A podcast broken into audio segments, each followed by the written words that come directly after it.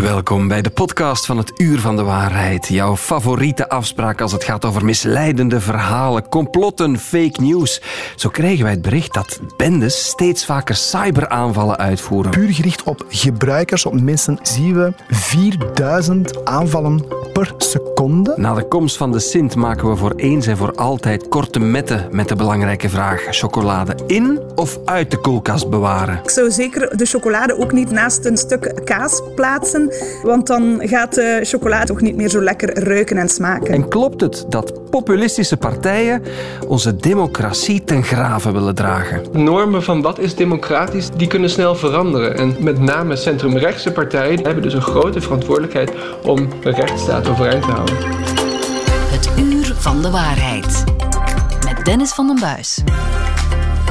Het uh, einde van het jaar nadert. De Goed Heilig Man is het land uit. De kerstbomen mogen binnenkomen. En dan beginnen ook de jaarlijstjes of de jaarrapporten op te duiken. En ook eentje waarbij we toch wel moesten fronsen. Misschien ons zelfs ook zorgen moeten maken. Want Microsoft, nog, nog altijd een van de grootste techbedrijven ter wereld, stelde vast dat er afgelopen jaar 23% meer cyberaanvallen hebben plaatsgevonden. Bart Asnot is bij ons. Bart, goedemorgen. Een zeer goedemorgen. Jij bent de cyber-expert van Microsoft België-Luxemburg. De National Security Officer heet dat. Een cyberaanval, misschien eerst dat. Wat is dat juist?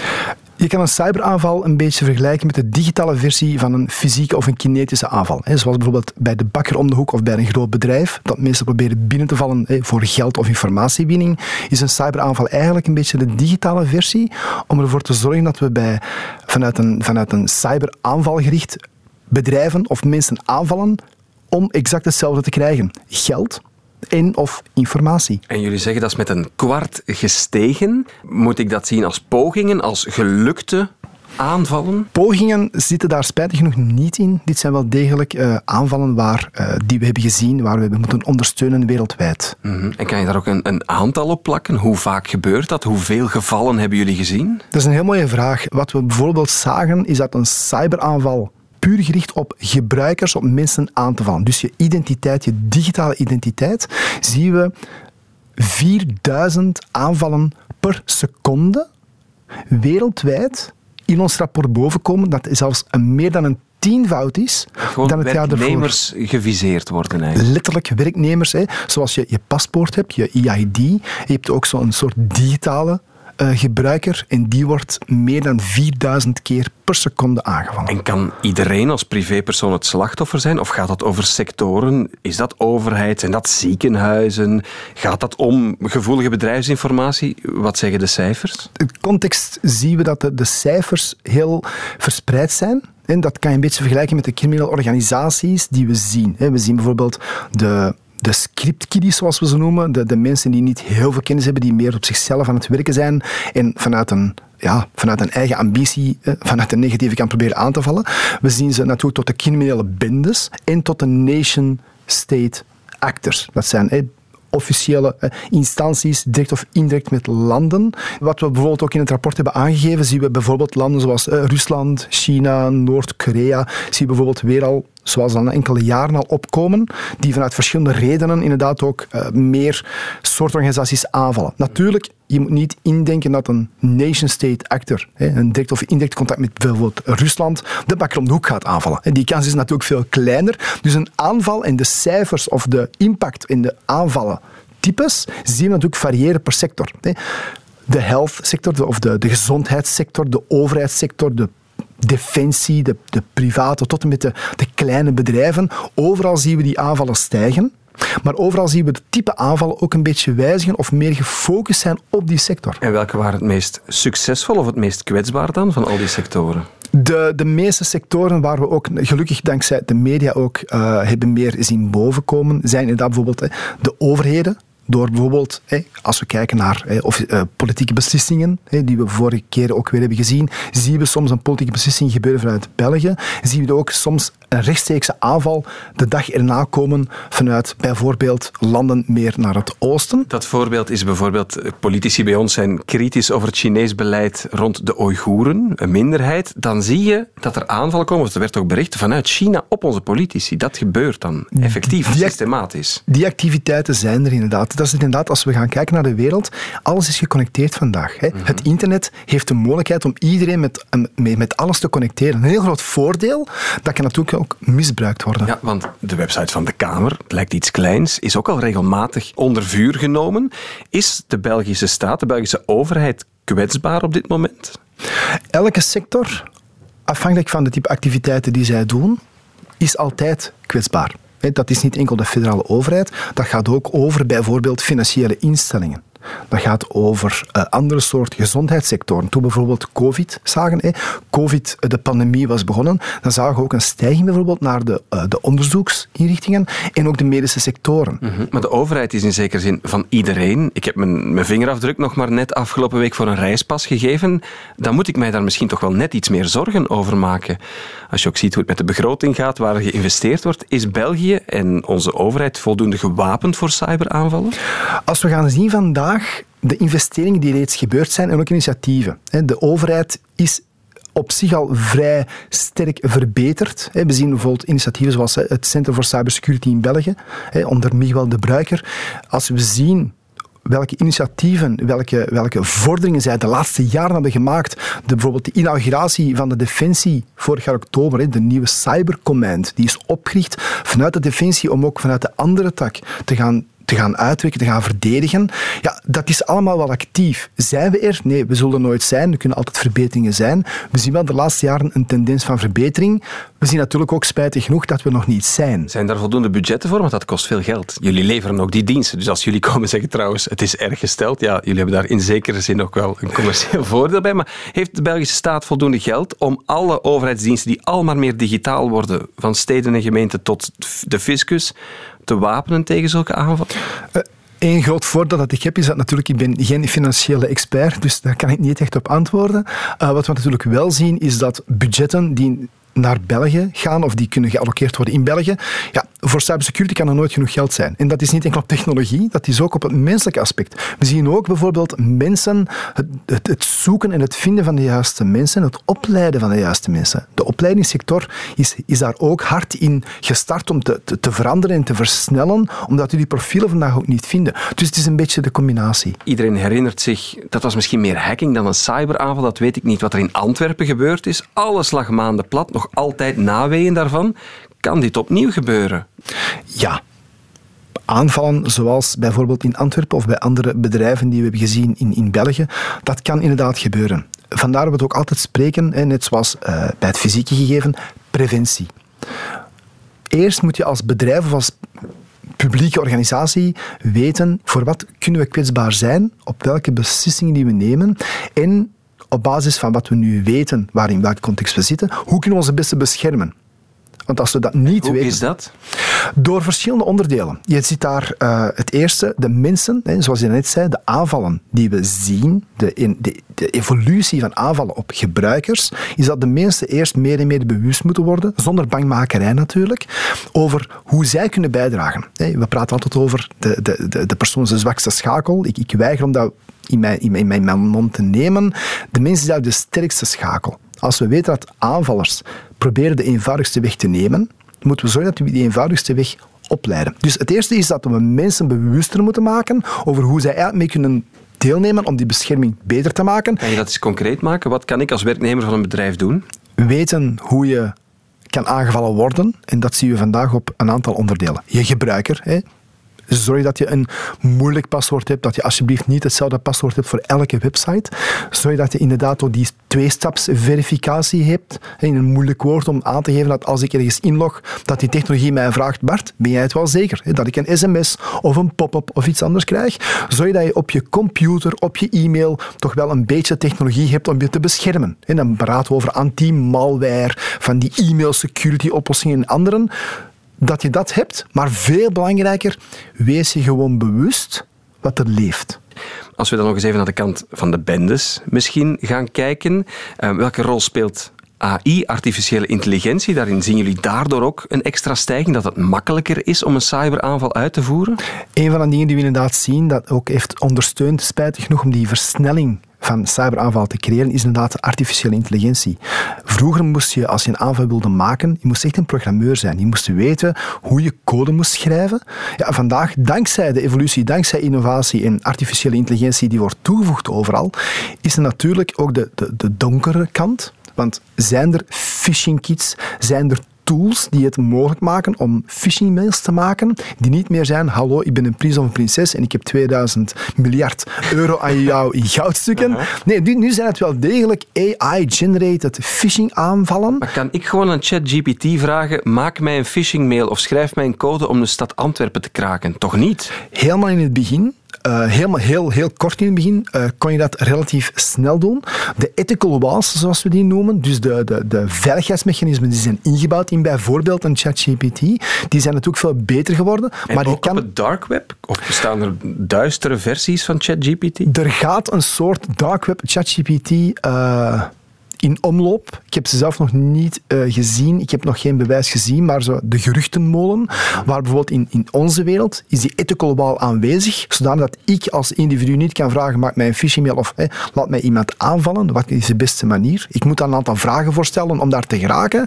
Klaarblijkelijk is het gerucht dat zo'n zo'n ChatGPT in de dark web uh, actief is zonder wall. Mm -hmm. nu, daarnaast kan, En kan ik aan AI vragen, ontwerp het mij zodat de mensen van Microsoft heel veel moeite gaan hebben om dit tegen te gaan. Kan AI dat ook al? Kan je al die buffers inbouwen op voorhand?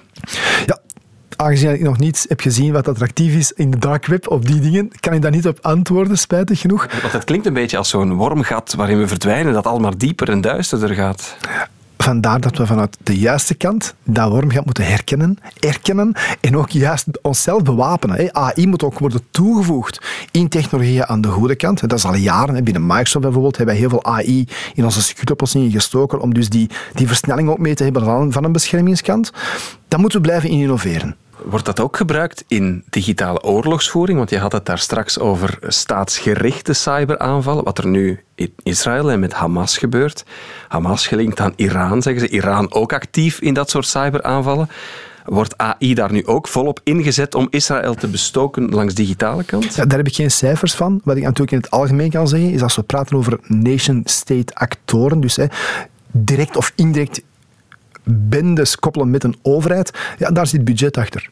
En als er ergens budget achter zit, zit natuurlijk de mogelijkheid in om nieuwe technologieën te gaan integreren in hun aanvallen. En dus het zal wel gebeuren, zeg je? Die kans zit er wel in. Wat moeten we nu onthouden richting 2024? Krijgen we een betere wereld als het gaat over cyberaanval? Of wordt het alleen nog maar erger? Ik, ik kijk altijd de positieve kant uit de zaken. Um, dankzij het herkennen en het herkennen van die dingen kunnen wij onszelf verbeteren. Ik zie niet echt een negatieve omloop. Ik zie wel een grotere focus nodig. En ja, we moeten gaan beseffen hoe we ons in de juiste context moeten beschermen. Bart Asnot van Microsoft, dankjewel. Dankjewel. Het is weer die tijd van het jaar waar er heel veel chocolade in het uh, huishouden opduikt. Tenminste toch als je kinderen hebt en als de Sint is langs geweest. En dan ontstaan er wel eens discussies. Waar moeten we al die zoete lekkernij van cacao bewaren? In de koelkast of in de keukenkast? We zijn eens gaan rondvragen op onze redactie hoe collega's het aanpakken. Ik heb er nu toevallig in mijn koelkast gestoken gisteren, maar normaal gezien gewoon in een kast. Mijn chocolade ligt gewoon in de kast, maar ik heb daar ooit wel problemen mee gehad, want die heeft een tijd lang ook in de kast met de kruiden gelegen. En als hij daar heel lang in lag, dan smaakte die ook wel echt naar die kruiden. Dus misschien is dat niet het beste idee. En toch doe ik het nog altijd. Maar gewoon in de verpakking, zoals ik die gekocht heb. In een kast op kamertemperatuur. Die staat nu, vlak na Sinterklaas, gewoon in een glazen kom bovenop het aanrecht. Dus ja, misschien niet de beste manier, maar... Ik hoop dat die eigenlijk ook snel op is, dan zijn we daarvan af. Ah, maar wacht, mijn man in de koelkast. Maar hij koopt de chocolade voor mij. Dus eigenlijk, hij bewaart dat in de koelkast en ik in de, in de koekenkast. Je hoort het duidelijk. Twee scholen, de koude koelkast of de kamertemperatuur en de kamerkast. Maar wat zegt de wetenschap? Claudia Delbare is bij ons van het Cacao Lab, een uh, onderdeel ooit van de Universiteit Gent. Nu een bedrijf dat wetenschappelijk chocolade onderzoekt voor bedrijven. Claudia, een hele goede morgen. Goedemorgen. Stel, we steken chocolade in de koelkast. Is dat een goed idee? Wat gebeurt er dan met chocolade? Ik zou dat uh, zeker niet aanraden. Ehm, het is namelijk zo dat als, als chocolade in de koelkast bewaard wordt hè, en je haalt dat nadien terug uit de koelkast, dan is er een groot risico dat er condens gevormd wordt op de chocolade. Dus dat er eigenlijk kleine waterdruppeltjes op het oppervlak ontstaan en die gaan de suiker in de chocolade gaan oplossen. Um, en nadien kunnen die dan terug uitkristalliseren en, en eigenlijk aanleiding geven tot een witte uitslag op de chocolade. Dus de chocolade wordt wit en dat is uiteraard minder aantrekkelijk. Hè? En smaakt dat ook anders? Gebeurt daar iets met, met die suiker? Gaat, uh, verdwijnt het krokant zijn bijvoorbeeld? Wat doet dat behalve het uitzicht? Ja, eh, er is wel een risico dat de chocolade wat, wat uh, zanderiger wordt terug. Hè, omwille van die suikerkristallen die te groot geworden zijn terug. Want normaal tijdens het proces van de chocolade, tijdens het productieproces, uh, nadat men dus eigenlijk suiker gaat toevoegen aan de cacao-ingrediënten, gaat men de chocolade gaan verfijnen. Men gaat dat gaan walsen uh, om echt een zeer gladde chocolade te bekomen. Hè. Dus wij, wij verwachten uh, helemaal geen korrels in de chocolade. Dat, dat, dat wil de consument net niet.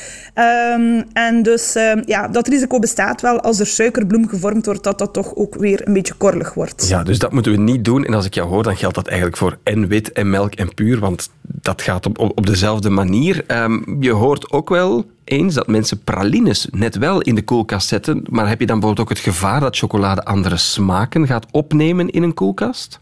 Ja, absoluut. Uh, het klopt helemaal dat, dat chocolade ongewenste geuren kan opnemen. Hè. Dus uh, ik zou zeker de chocolade ook niet naast een sterk uh, ruikend stuk kaas plaatsen. Ehm, want dan gaat de chocolade na verloop van tijd toch niet meer zo lekker ruiken en smaken. Oké, okay, dus die koelkast moeten we vergeten. Dan is er de andere school die zegt, ik bewaar dat gewoon in een keukenkast. We hoorden van alles, een open mandje staat er bij ons. Uh, sommigen doen het nog wel in de verpakking. Wat is het beste dan?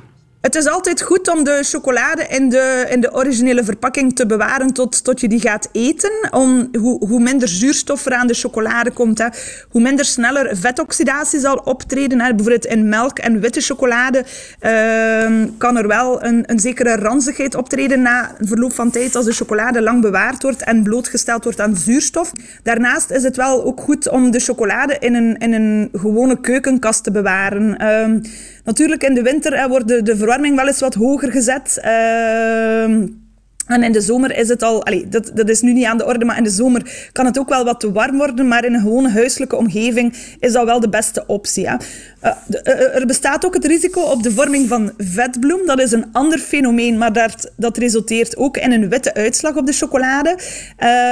Maar ook dit is net zoals die suikerbloem eigenlijk niet gevaarlijk. Hè. Dus um, als de chocolade te lang en bij te hoge temperaturen bewaard wordt, dan gaat het vet in de chocolade ook op een andere manier gaan uitkristalliseren waardoor je een witte schijn krijgt op de chocolade. Ja, dus in de ehm, keukenkast is het veiligste bij een, een, een, kamertemperatuur, zeg je, in de verpakking. Maar de Sint die heeft natuurlijk de neiging om heel veel chocolade overal al uitgestrooid te brengen. En die mannetjes staan niet meer in hun verpakking, die komen uit Spanje. Wat moeten we dan doen? Gewoon in een mand open en bloot? Of toch terug opnieuw in een doos of in een plastic of een papieren zak steken? Wat is jouw advies? Het hoeft niet per se opnieuw verpakt te worden. Het is nu ook niet dat, dat die chocolade binnen de paar dagen hè, uh, ranzig gaat smaken. Is pas als je het echt lange tijd uh, zo laat staan. Dus uh, misschien een goed advies is, eet de chocolade vooral ehm, snel genoeg op. Hè. Ja, en als we dat niet kunnen doen, waar dan lange tijd bewaren? Want ja, temperatuur kan gaan stijgen, koelkast geen goed idee een diepvriezer om lange tijd iets te bewaren? Is dat met chocolade? Ik zou het zelf nooit eigenlijk doen, maar is dat aangewezen? Kan dat? Ja, je kan chocolade in, uh, in de diepvries bewaren bijvoorbeeld. Uh, dat, uh, dat, dat, wij hebben daar zelf onderzoek naar gedaan en dat blijkt zelfs een positief effect te hebben op de kwaliteit. En, en dat, wordt, uh, dat wordt soms ook door bedrijven uh, toegepast. Hij wordt beter. Maar in een huiselijke omgeving is dat ook moeilijk, want, ehm, want ook daar weer, als je de chocolade ehm, uit de diepvries haalt, moet je condensvorming vermijden. En dat kan enkel door eigenlijk de temperatuur zeer traag weer te laten toenemen. Hmm. Dus bij, bij, bij u thuis is dat, is dat uiteraard niet evident om dat te doen. Waarom wordt die dan wel beter? Je zegt die gaat erop vooruit. Ja, uh, in chocolade zit er uh, geen water. Hè? Dus ook al ga je dat product in een diepvries gaan plaatsen, het feit dat er geen water in zit, betekent dat er ook geen waterkristallen of geen ijskristallen kunnen gevormd worden.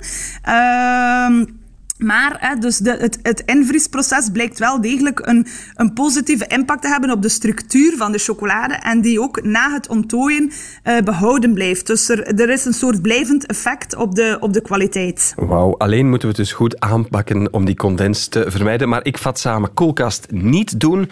Gewoon rustig tussen 15 of 20 graden uh, in deze tijd van het jaar in een keukenkast. Dat is de manier om het uh, aan te pakken.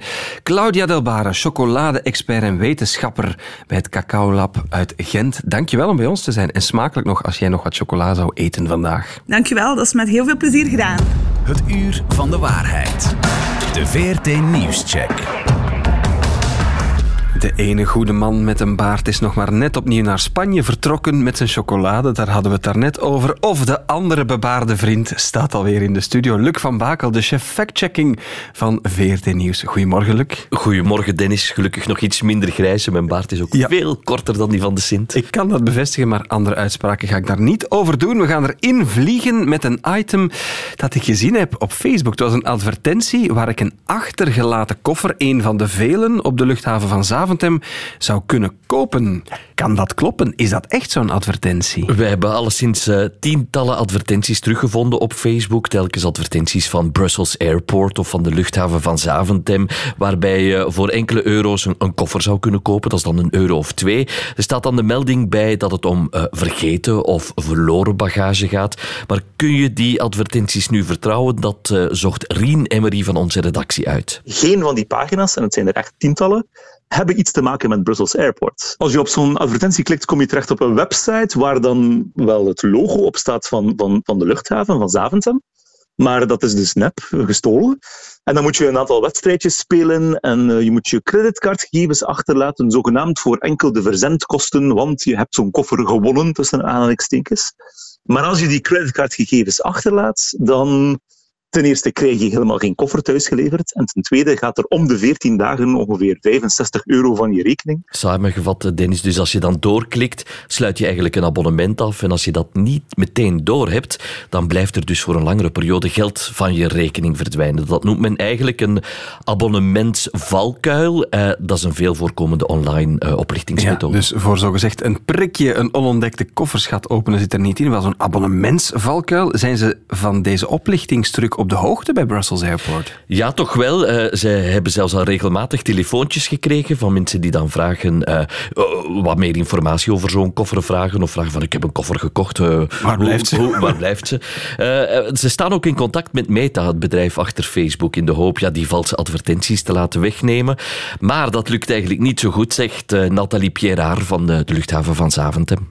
Uh, om eerlijk te zijn, ervaren we enige terugoudenheid van Meta om dit uh, grootschalige probleem.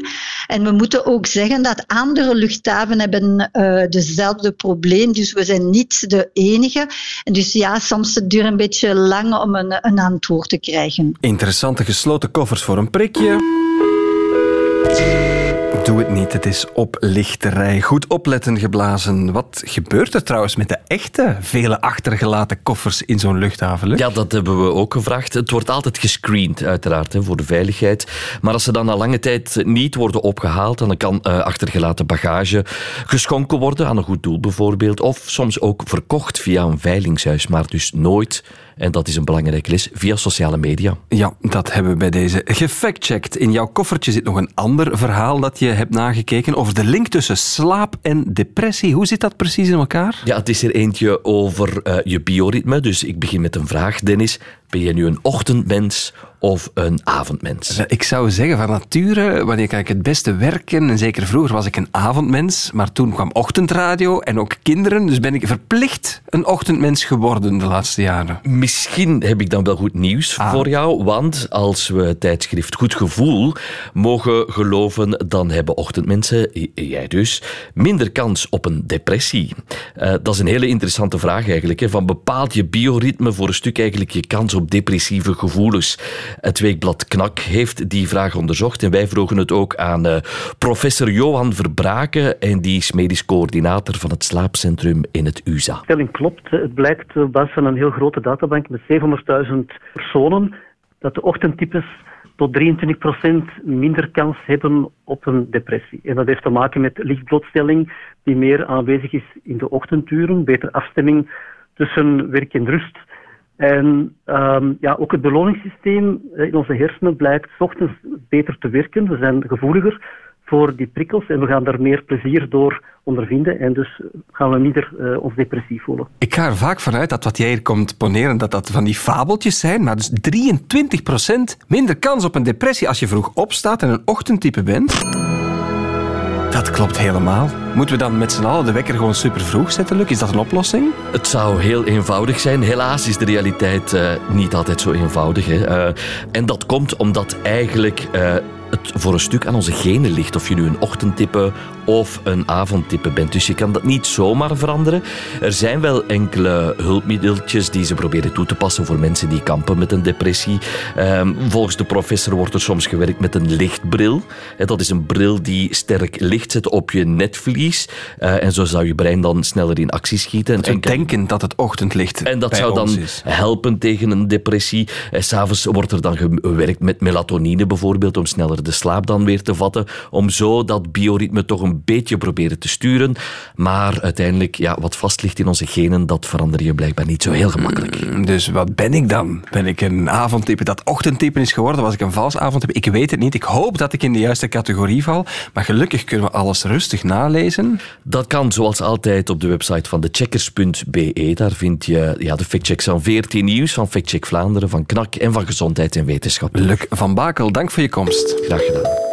Nog eventjes naar Nederland, want zoals je weet proberen ze daar naast zich een regering te vormen na de overwinning van de PVV van Geert Wilders. Een partij waarvan gezegd wordt dat zijn populistische ideeën die ze verspreiden en die zijn gevaarlijk voor de democratie.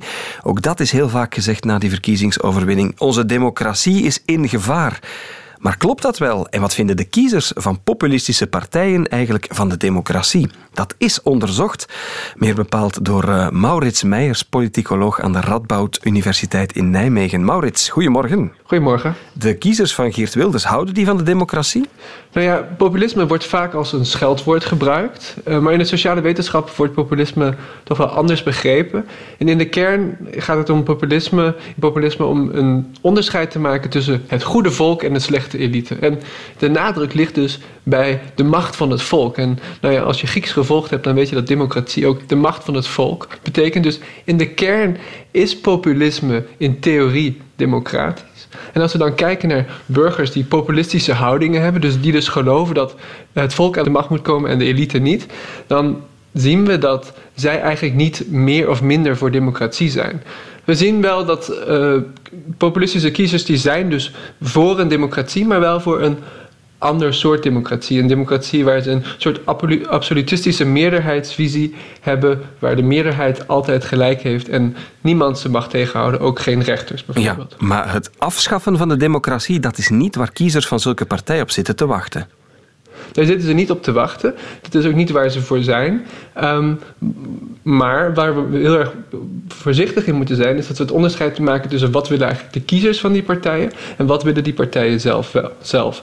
Want als we kijken naar radicaal rechtse partijen, dan zien we dat zij het liberale onderdeel van de democratie aanvallen. Wat is dat dus, juist? dat deeltje kan je. Ja, dat, is dat dat is dat we uh, hebben instituties zoals de rechtspraak, we hebben uh, minderheidsrechten. Uh, er zijn zoveel verschillende elementen, vrijheid van, van, van meningsuiting.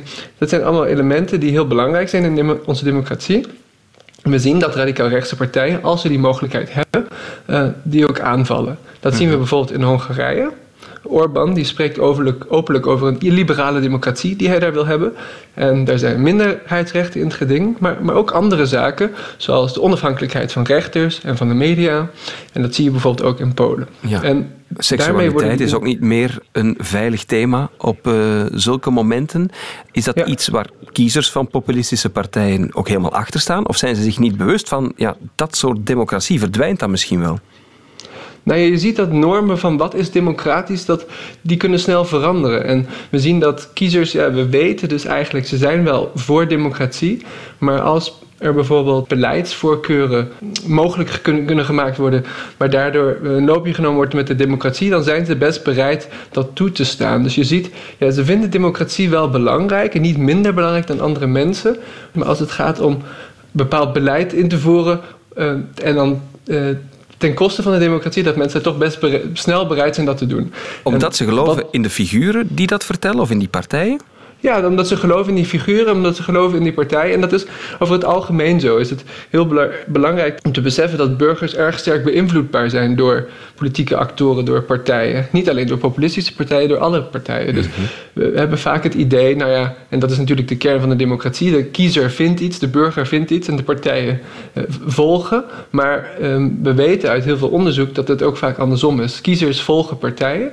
En zo hebben dus partijen ook een grote verantwoordelijkheid om ondemocratische ideeën uh, niet te normaliseren. Dus dankzij de democratie kan ze ook een beetje uitgehold worden. Ja, en dat zie je uh, in Hongarije heel erg duidelijk.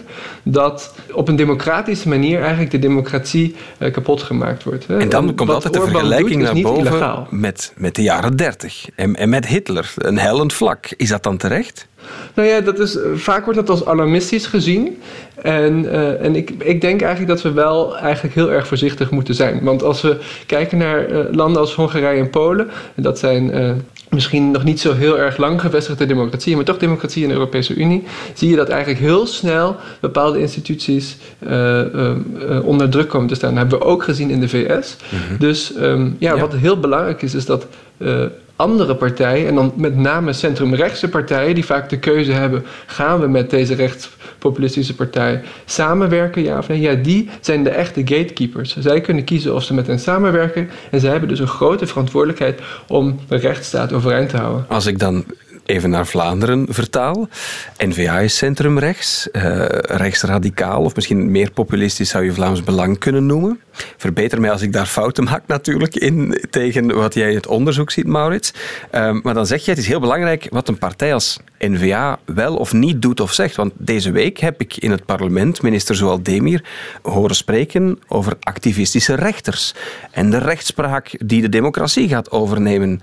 Mhm. Wat moeten we daar dan van maken? Nou ja, dat is, dat is precies het gevaar. Um, je ziet ook in, in, niet alleen in Vlaanderen, maar ook in, in Nederland, de VVD. Uh, in haar partijprogramma stonden ook veel dingen die volgens de Nederlandse orde van advocaten niet rechtsstatelijk waren.